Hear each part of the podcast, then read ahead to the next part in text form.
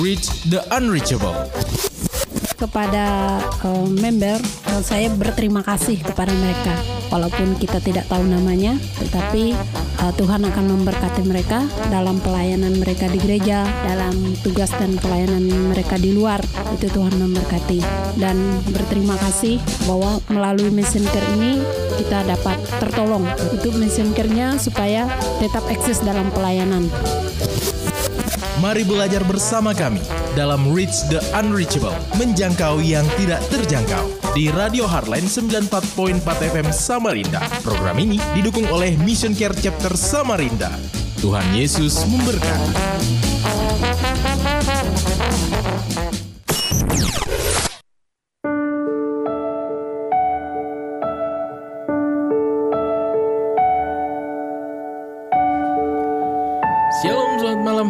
Listener Kembali lagi pastinya di ruang dengar Anda. Pastinya dalam program Reach the Unreachable Menjangkau yang tak terjangkau. Pastinya program ini dipersembahkan oleh Mission Care Chapter Samarinda Dan disponsori oleh Dermaga Jaya Group One Stop Tire Solution.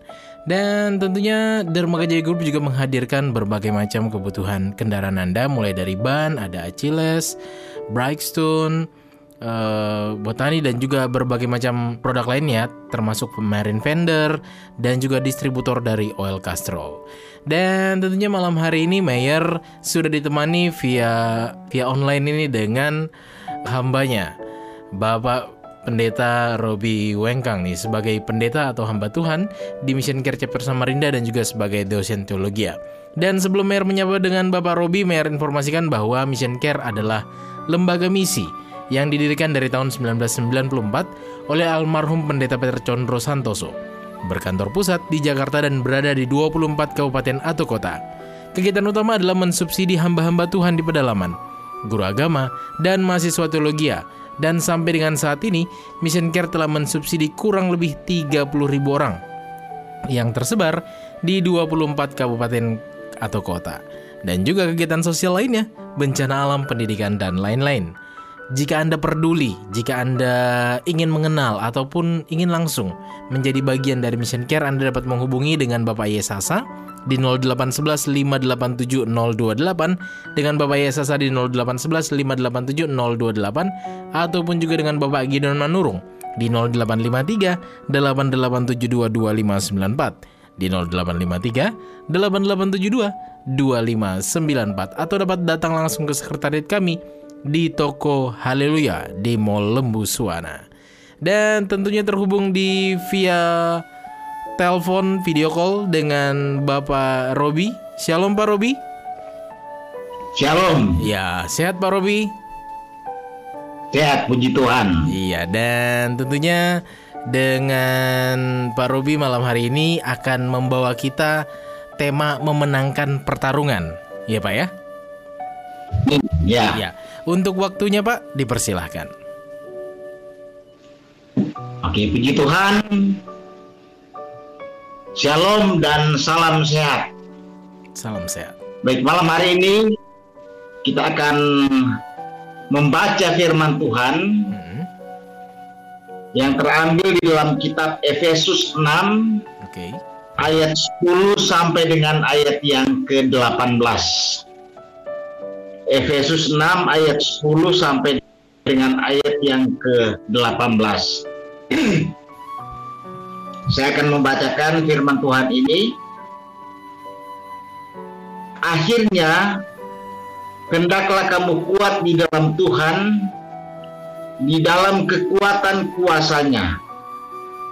Kenakanlah seluruh perlengkapan senjata Allah, supaya kamu dapat bertahan melawan tipu muslihat iblis. Karena perjuangan kita bukanlah melawan darah dan daging, tetapi melawan pemerintah-pemerintah, melawan penguasa-penguasa, melawan penghulu-penghulu dunia yang gelap ini, melawan roh-roh jahat di udara.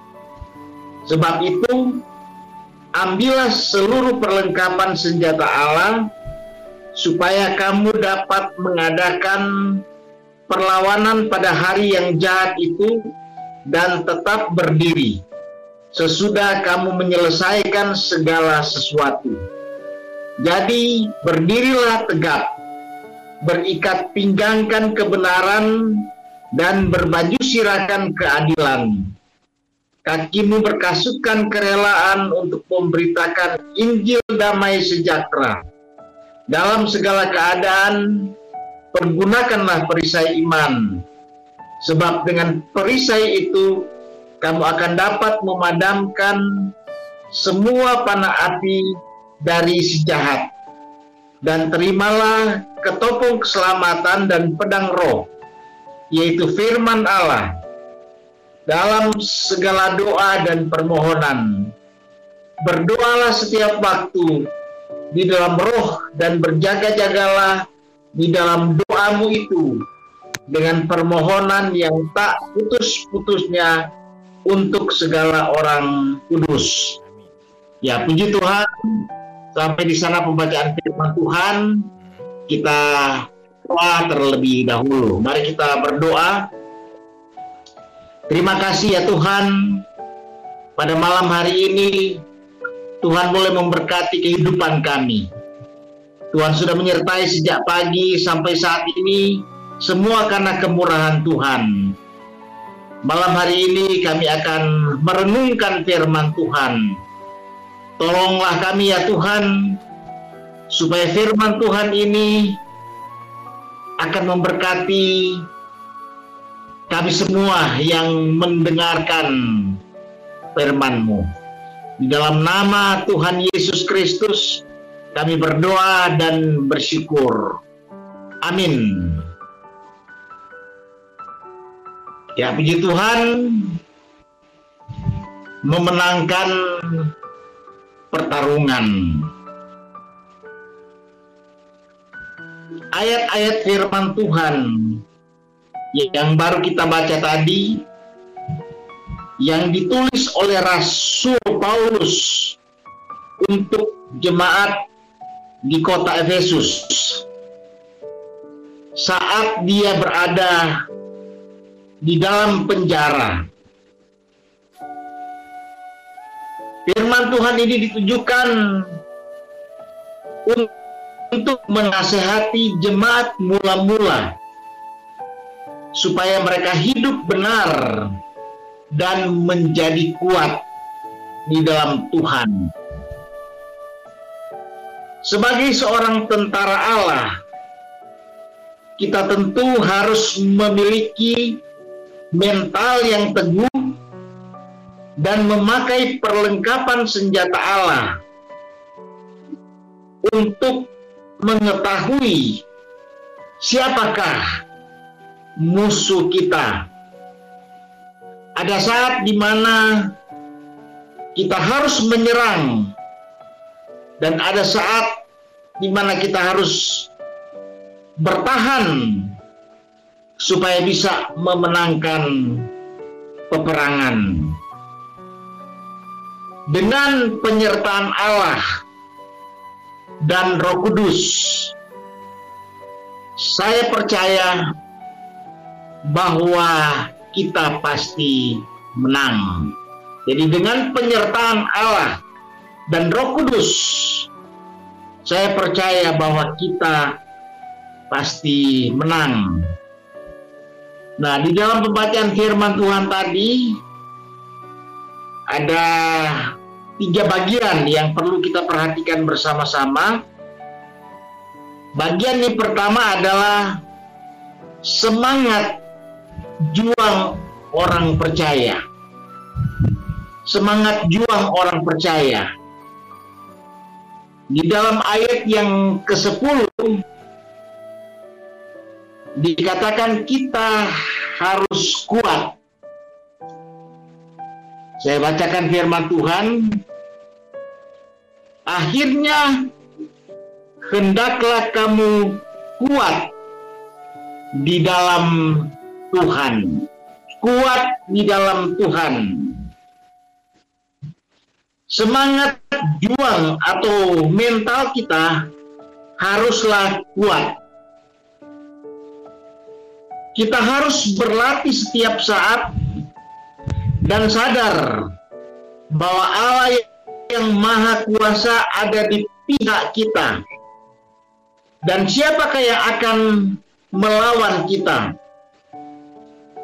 Seperti semua tim, katakanlah tim sepak bola yang selalu memenangkan pertandingan. Biasanya pemenang dari kejuaraan itu adalah tim-tim yang itu juga. Apakah yang sebenarnya terjadi?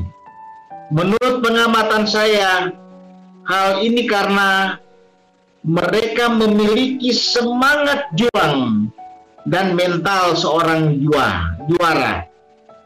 Semangat pantang menyerah sampai detik-detik terakhir dan keyakinan akan diri dan timnya lah yang membuat mereka jungkir balik bersemangat untuk bertarung berusaha untuk memenangkan pertandingan dengan baik. Saudara-saudara yang dikasihi oleh Tuhan Yesus Kristus, apakah kita merupakan tim juara ataukah tim yang lemah yang cukup puas untuk tidak memenangkan satu piala pun asalkan selamat yang suka meratapi nasibnya dan menganggap setiap kegagalan sebagai faktor kesialan kita. Jadi yang harus ada dalam kehidupan kita, di dalam peperangan kehidupan kita, kita harus kuat. Kuat di dalam Tuhan. Lalu di dalam ayat yang ke-13 dikatakan demikian sebab itu ambillah seluruh perlengkapan senjata Allah supaya kamu dapat mengadakan perlawanan pada hari yang jahat itu dan tetap berdiri sesudah kamu menyelesaikan segala sesuatu. Menurut firman Tuhan ini, kita harus tetap berdiri, artinya kita bertahan dan melawan sampai peperangan selesai. Biasanya yang masih berdiri sampai peperangan selesai adalah pihak yang menang. Artinya kita harus selalu meminta perlindungan Allah untuk menjaga kita supaya tetap berdiri sampai saat terakhir. Jadi pesan untuk kita setia sampai akhir di dalam Yesus Kristus seperti sebuah carang yang selalu bergantung pada rantingnya untuk hidup dan tetap bertumbuh. Demikianlah semangat kita harus selalu bersama dengan Yesus. Andalkan dia selalu di dalam peperangan. Bawa Yesus selalu dalam perjalanan kehidupan kita. Dalam melangkah ataupun kita berputar jadi jadikan moto di dalam kehidupan kita sekali Yesus tetap Yesus. Karena dialah sumber kemenangan kita. Lalu ayat yang ke-14. Ayat 14 dikatakan demikian.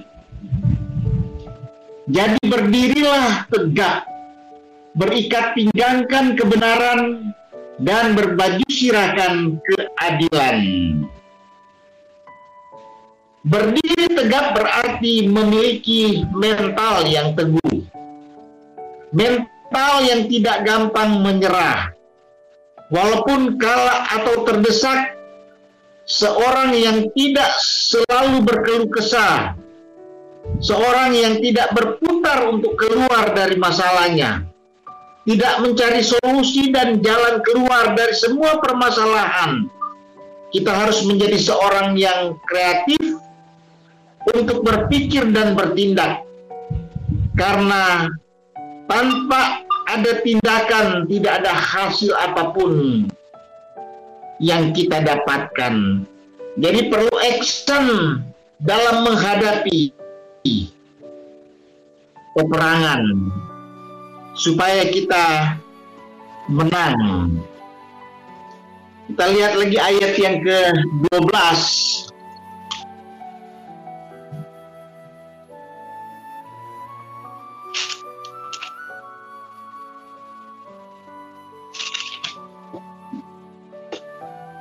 Ayat yang ke-12.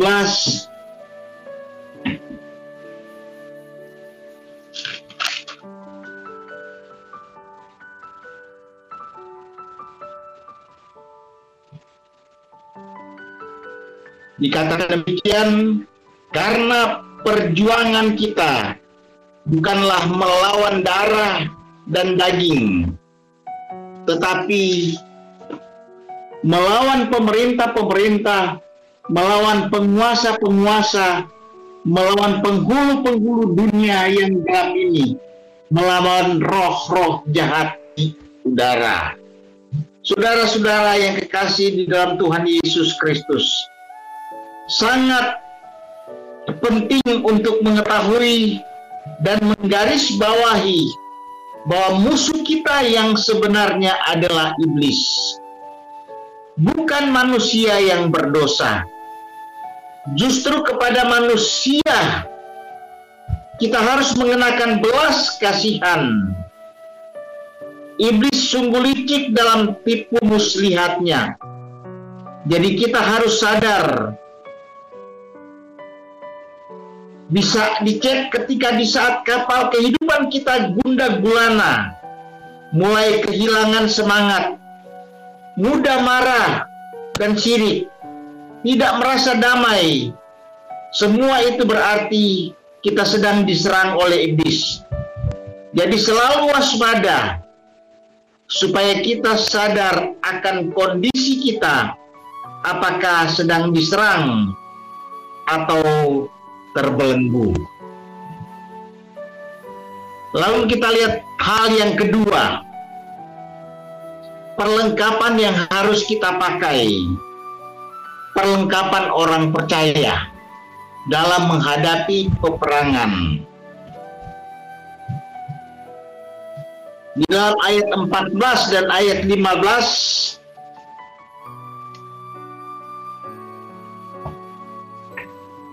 dikatakan demikian, jadi berdirilah teguh, berikat pinggangkan kebenaran, dan berbaju sirakan keadilan. Kakimu berkasutkan kerelaan untuk memberitakan Injil damai sejahtera. Ikat pinggang yang ada pada zaman Paulus hidup dapat dipakai seperti dompet dan juga untuk menyimpan sesuatu.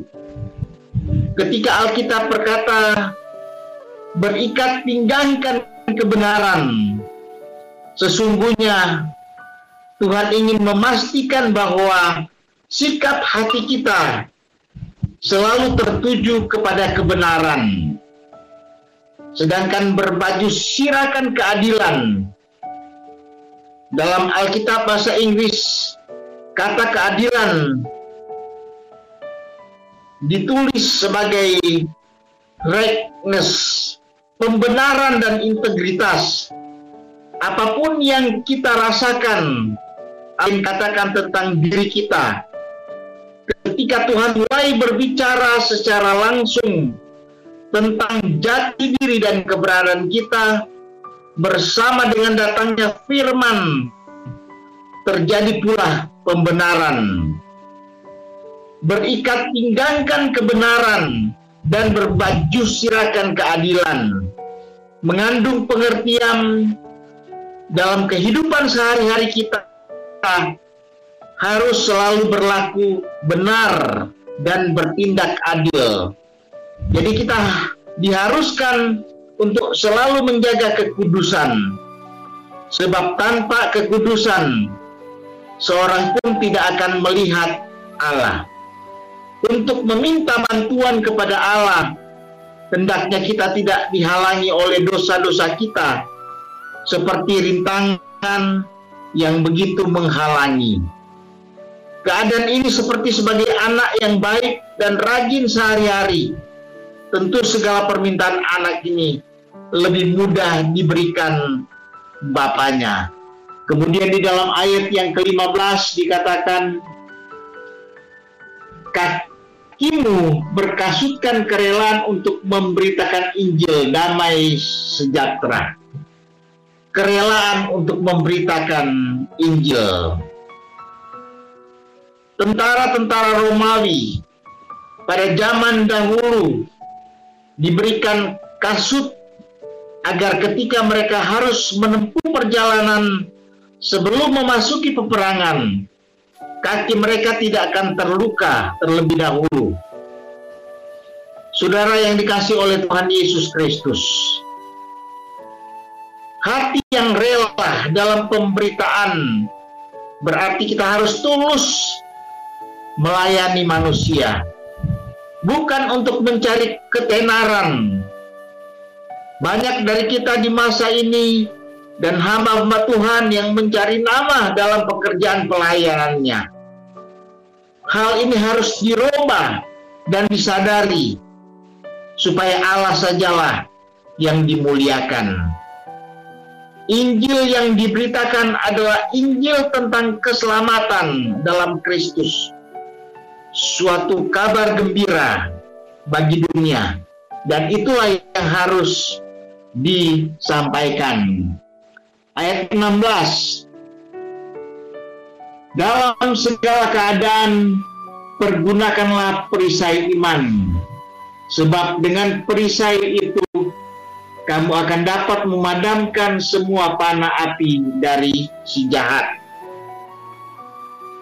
Gambaran tentang perisai iman yang dimaksud di sini sebenarnya adalah perisai yang biasa dipergunakan oleh tentara-tentara Romawi untuk melindungi dalam peperangan yang ukurannya sampai setinggi manusia. Tapi kita bicara tentang iman. Hanya imanlah yang membuat kita sanggup untuk menahan segala panah-panah musuh. Iman digambarkan sebagai perisai. Perisai untuk menjaga hati kita supaya tetap tenang dan waspada. Sebab dari situlah terpancar kehidupan. Hanya orang berimanlah yang mengalahkan dunia. Seperti kata Paulus, iman kami bukanlah karena melihat, tetapi karena percaya. Hanya orang percayalah yang beriman hanya orang yang mendekatkan diri kepadanya akan mengenal Allah, akan mengerti kehendaknya dan keyakinan di dalam Allah. Karena iman hampir sama dengan keyakinan. Bagaimana mereka bisa yakin jika mereka tidak pernah bersama dengan Allah? Dari seharian, dari kesehariannya lah, mereka akan belajar untuk mengenal Allah, seperti Henok, Abraham, Daud, dan lain-lain. Iman akan memadamkan semua panah api musuh, bahkan membuat kita bersuka cita dalam kesusahan karena iman itu sendiri. Ayat 17 Dan terimalah ketopong keselamatan dan pedang roh, yaitu firman Allah. Ketopong keselamatan digunakan untuk melindungi kepala. Mengandung pengertian bahwa keselamatan kekal sudah diberikan kepada kita. Sebuah jaminan bahwa kita akan menang. Dalam peperangan Romawi, perlengkapan senjata ini sangat berperan, yaitu untuk melindungi kepala yang merupakan bagian tubuh terpenting.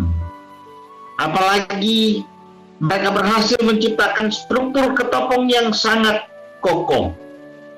Maka Paulus menyatakan bahwa ketopong merupakan keselamatan yang tidak perlu dilindungi, melainkan justru menjadi perlindungan bagi orang Kristen.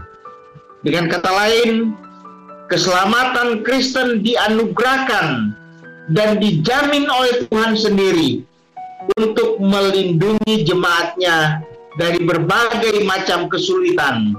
Karena itu, keselamatan Kristen jadi bersifat non kondisional baik dalam sukacita maupun duka cita bahkan tidak tergantung pada perasaan manusia. Orang Kristen yang tidak beriman kokoh kadang-kadang merasa jauh dari Tuhan. Dan gejala seperti itu menandakan hilangnya keselamatan. Hal ini tidak dapat dibenarkan karena ketika manusia berada di dalam anugerah keselamatan Tuhan, maka hidupnya jadi berlimpah sesuai dengan kehendaknya. Karena kita lebih dari seorang pemenang.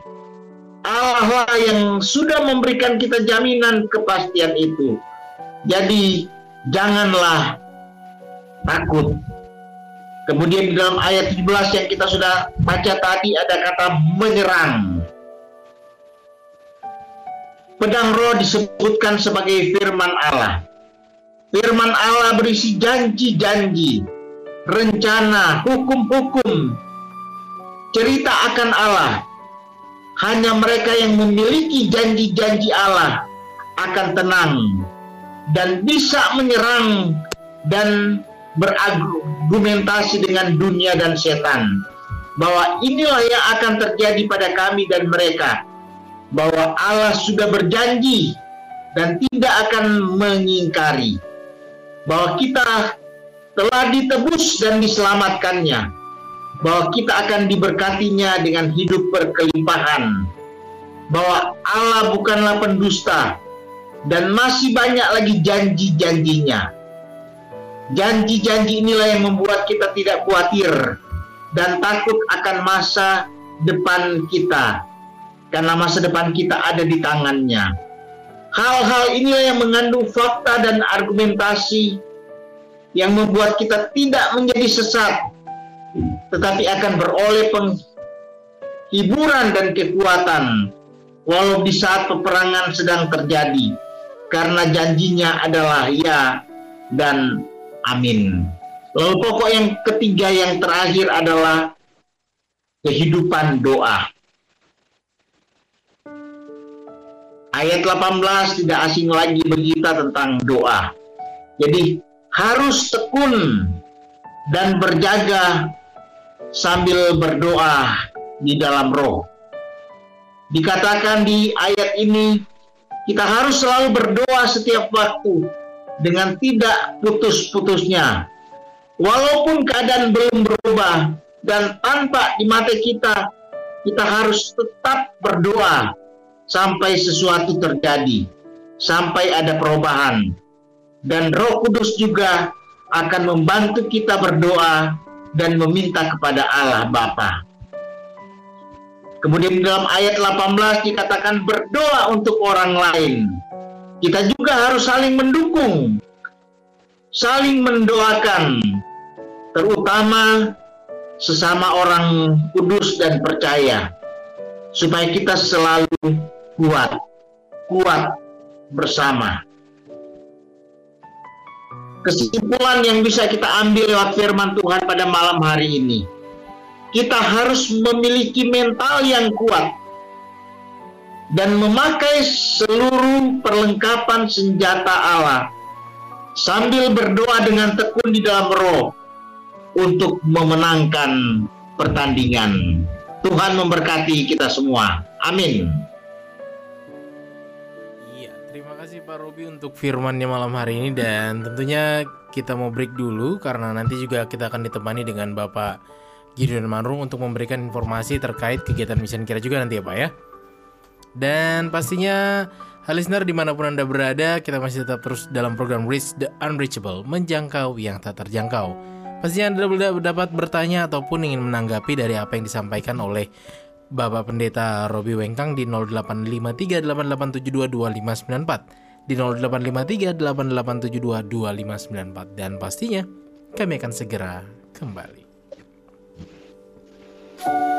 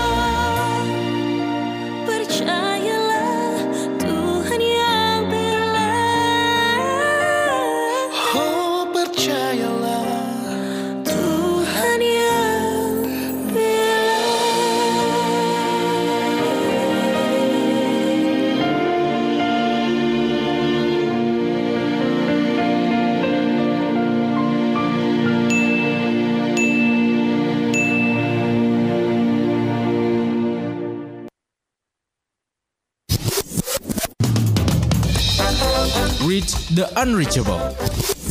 Kepada uh, member, uh, saya berterima kasih kepada mereka.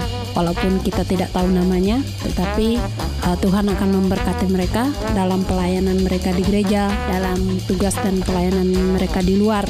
Itu Tuhan memberkati. Dan berterima kasih bahwa melalui Mission Care ini kita dapat tertolong untuk Mission Care-nya supaya tetap eksis dalam pelayanan.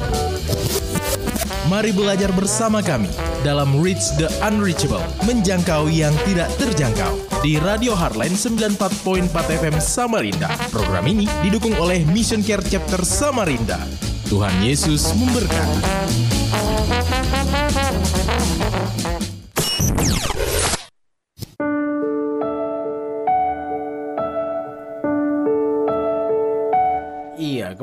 Kembali lagi di ruang dengar Anda, listener masih dalam program Reach the Unreachable, menjangkau yang tak terjangkau. Pastinya di studio Mayor masih terhubung dengan digital ya, dengan daring. Saat ini dengan masih bersama Pendeta Robi Wengkang dan juga dengan Pak Gideon Manurung. Shalom Pak Gideon. Shalom, selamat malam. Ya, sehat-sehat nih Pak ya. Halo Pak. Iya. Ya, Luar biasa. Iya, dengan tema malam hari ini memenangkan pertandingan, sama halnya eh, menghadapi COVID seperti ini. Sebelum ke Pak Gideon menjelaskan tentang eh, kegiatan Mission Care, pertanyaan Mayor kepada Pak Robi menghadapi kondisi saat ini, mengingat eh, bukan dikatakan semakin membaik, tapi orang juga kadang-kadang eh, banyak juga semakin ingin menyerah dalam pertarungan ini. Bagaimana nih eh, pesan positif yang bisa Pak Robi sampaikan agar kita bisa fokus untuk tetap berharap kepada Tuhan dan bisa menjalaninya semua dengan baik. Silakan Pak Robi. Ya, jadi ya pesan firman Tuhan ya kita harus kuat. Lalu kita ada perlengkapan-perlengkapan senjata Allah seperti yang saya sudah sampaikan tadi Mhm. dan tentu kita hidup di dalam doa. Ya. Ya, kita menghadapi wabah COVID-19. Ya. Semua kita menghadapi dan Mhm. kita harus menang, kita harus menang. Oke. Nah, tentunya kita mengikuti protokol kesehatan. Jadi jaga jarak, pakai masker, cuci tangan dan lain sebagainya. Itulah sebabnya malam hari ini ya lewat perenungan kita, Mhm. jadi saya tidak pergi ke studio supaya kita ya jaga jarak. Nah, Bukan berarti jadinya ti- tidak yang anu ya Pak ya. Ini Bukan berarti Iya. gara-gara berjauh gara-gara tidak ke studio jadinya tidak bertarung juga nih. Justru kita bertarungnya dengan digital saat ini semua adalah pertarungan kita. Iya. Jadi kita bertarung supaya kita menang. Betul betul. Iya, jadi selain berdoa firman Tuhan, mengikuti protokol kesehatan. Mhm. Iya. Oke, terima kasih Pak Robi dan tentunya Pak Gideon bagaimana nih menanggapi tentang eh, pertarungan yang menjadi tema malam hari ini menghadapi COVID nih. Sebelum kita masuk untuk kegiatan Mission Care nih Pak. Ya, sebenarnya firman Tuhan pada malam hari ini sangat menguatkan iman kita supaya kita jangan menjadi kecewa Mhm. dengan Tuhan, dengan pemerintah, dengan diri kita sendiri Oke. dan apa pun yang kita rasakan sampai saat ini, firman Tuhan tadi menjadi dasar bagi kita untuk tetap berjuang. Mhm.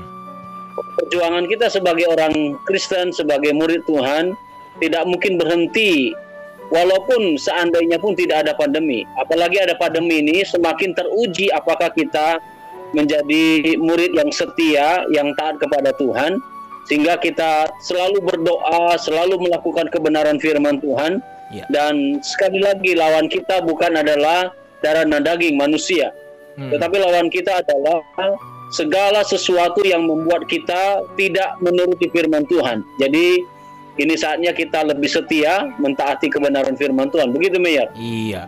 Oke, sama halnya dengan eh, di beberapa hari kali ya untuk bisa Ya. memenangkan pertarungan juga di mana Mission Care juga akan memberikan subsidi nih, Pak.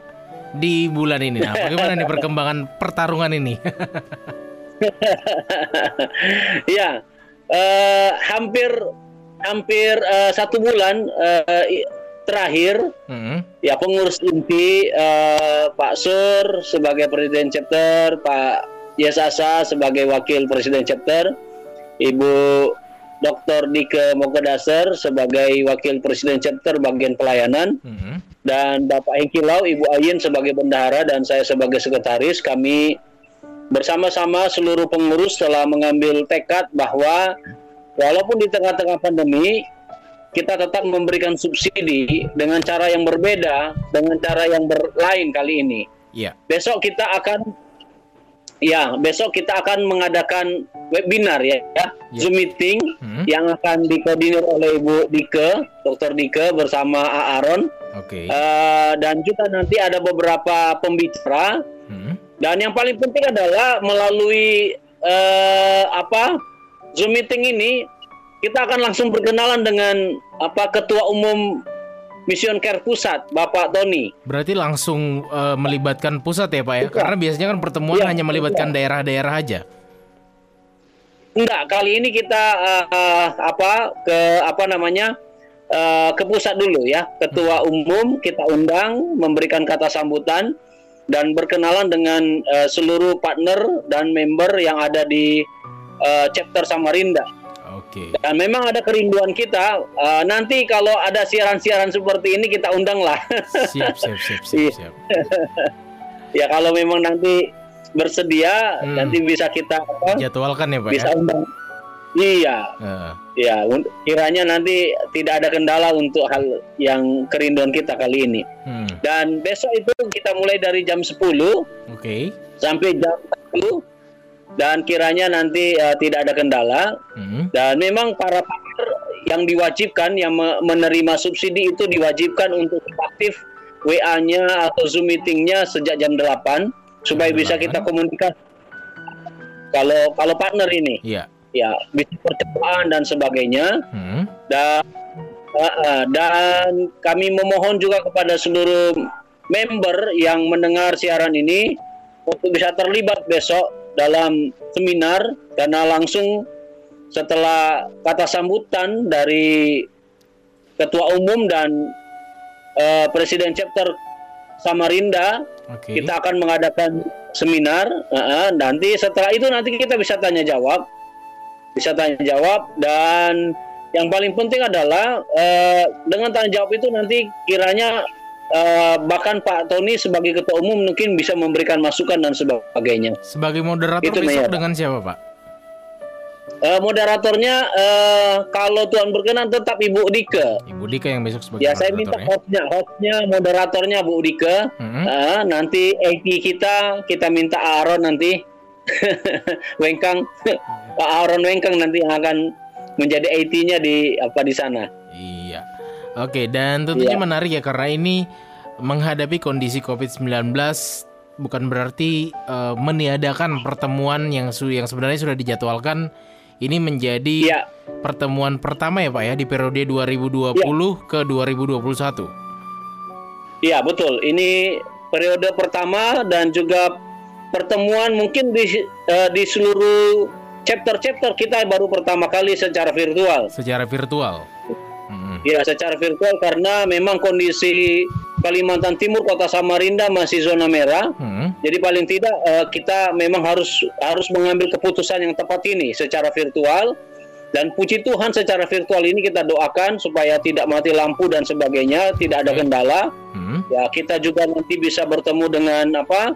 Pak Tony sebagai ketua umum dan sebagainya. Kita berdoa supaya eh, member yang selama ini belum tahu Pak Tony bisa tahu Pak Tony, begitu juga partner dan ada dan juga alumni, alumni ya. Alumni.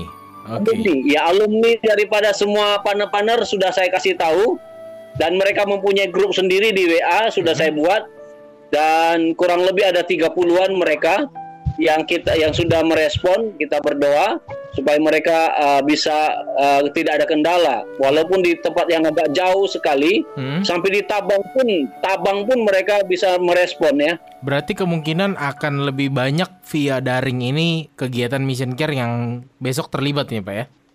ya kita doakan seperti itu paling tidak ada 70-an orang lah Hmm. dari partner. Nah, belum lagi nanti member dan pengurus yang ada. Dan mungkin untuk calon member ataupun juga calon partner yang saat ini sedang monitor, apakah boleh juga mengikuti kegiatan besok nih Pak? Jika bi- boleh, di mana bisa menghubunginya? Kalau eh, mereka nanti bisa menghubungi partner-partner yang ada, karena kan Zoom itu kan ada ID-nya ya. Iya, benar, benar.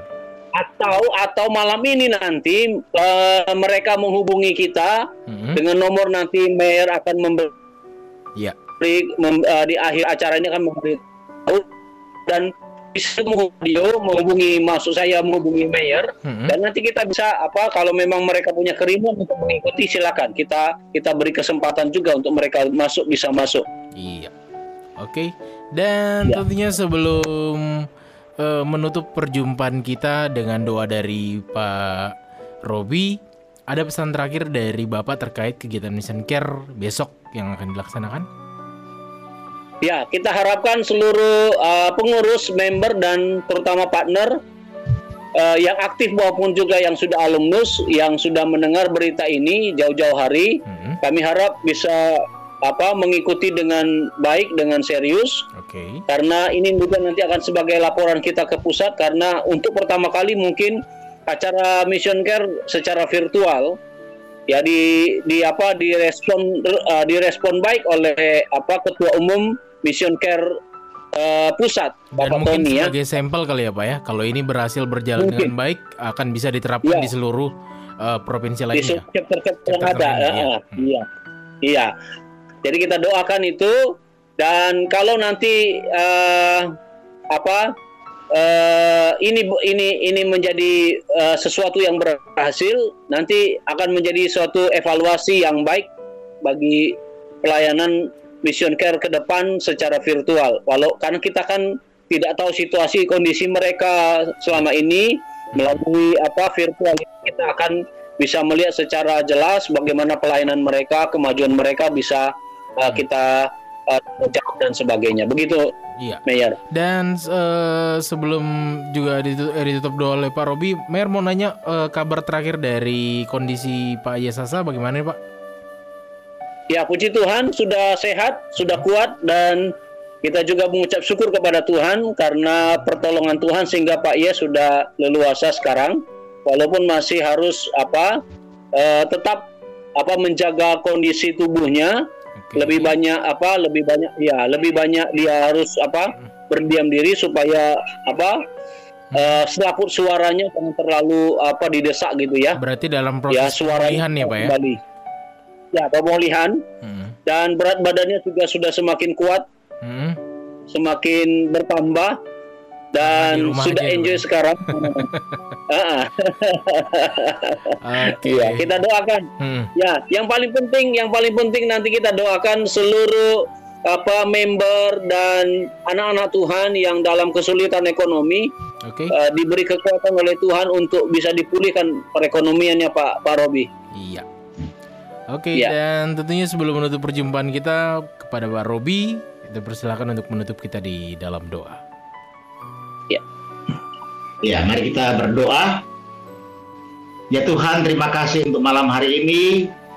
Kami boleh bertemu bersama-sama, mendengarkan firman Tuhan. Biarlah firman Tuhan boleh menjadi kekuatan dalam kehidupan kami, dalam menghadapi peperangan-peperangan yang terjadi.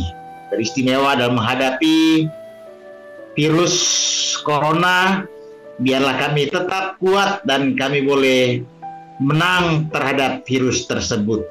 Terima kasih kami tahu bahwa Allah pasti akan menyertai dan melindungi kami. Malam hari ini ya Tuhan, kami berdoa untuk acara kami besok lewat Zoom meeting di mana kami akan bertemu baik bersama-sama dengan partnership dengan member pengurus pusat Mission Care Tuhan tolong supaya semuanya dapat berjalan dengan lancar. Amin. Kami menyerahkan fasilitas yang kami akan gunakan diberkati oleh Tuhan. Biarlah tidak ada pemadaman listrik, signal bagus sehingga segala sesuatu dapat berjalan dengan lancar. Semua pembicara kami letakkan ke dalam tangan Tuhan, perlengkapi kita, ya Tuhan. Malam hari ini juga ya Tuhan, kami menyerahkan masyarakat yang sedang menghadapi pergumulan karena COVID-19. Banyak hal yang sedang terjadi. Tetapi Ya. doa kami, Tuhan akan menyertai kami. Sehingga segala aspek yang terjadi yang mempengaruhi kehidupan kami karena COVID-19, kami boleh menang. Karena Tuhan bersama dengan kami. Amin. Malam hari ini juga untuk saudara kami Pak Yes Asa Ya. yang dalam pemulihan. Kami tahu bahwa Tuhan sudah memberkati dia, sudah menyembuhkan dia. ya, Kami terus berdoa biarlah pemulihan pemulihan terus terjadi sehingga suatu Amin. saat dapat kekuatan kesehatan yang sempurna yang berasal daripada Tuhan. Terima kasih. Berkati pengurus yang ada, pengurus chapter Samarinda. Dan Ya. berdoa untuk radio hotline Ya. Tuhan juga berkati sehingga lewat semua acara yang dibuat nama Tuhan dipuji dan dimuliakan. Terima kasih ya Tuhan. Kami mengakhiri acara ini, pertemuan ini, siaran ini sambil bersyukur di dalam nama Bapa dan Roh Kudus. Haleluya. Amin. Amin. Amin. Terima kasih Pak Robi dan juga Pak Gideon untuk malam hari ini. Terima kasih, Pak. Terima kasih, Mayor. Oke. Kasih. Dan tentunya Iya, iya. listener di mana pun Anda berada, Anda dapat bergabung untuk kegiatan besok pertemuan Mission Care dapat menghubungi Bapak Gideon Manurung di 0853 8872 2594 di 0853 8872 2594. Dan tentunya kita akan ketemu lagi di minggu depan di program yang sama di Reach the Unreachable, menjangkau yang tak terjangkau. Dari balik meja share kami undur diri. Akhir kata keep on growing and never give up.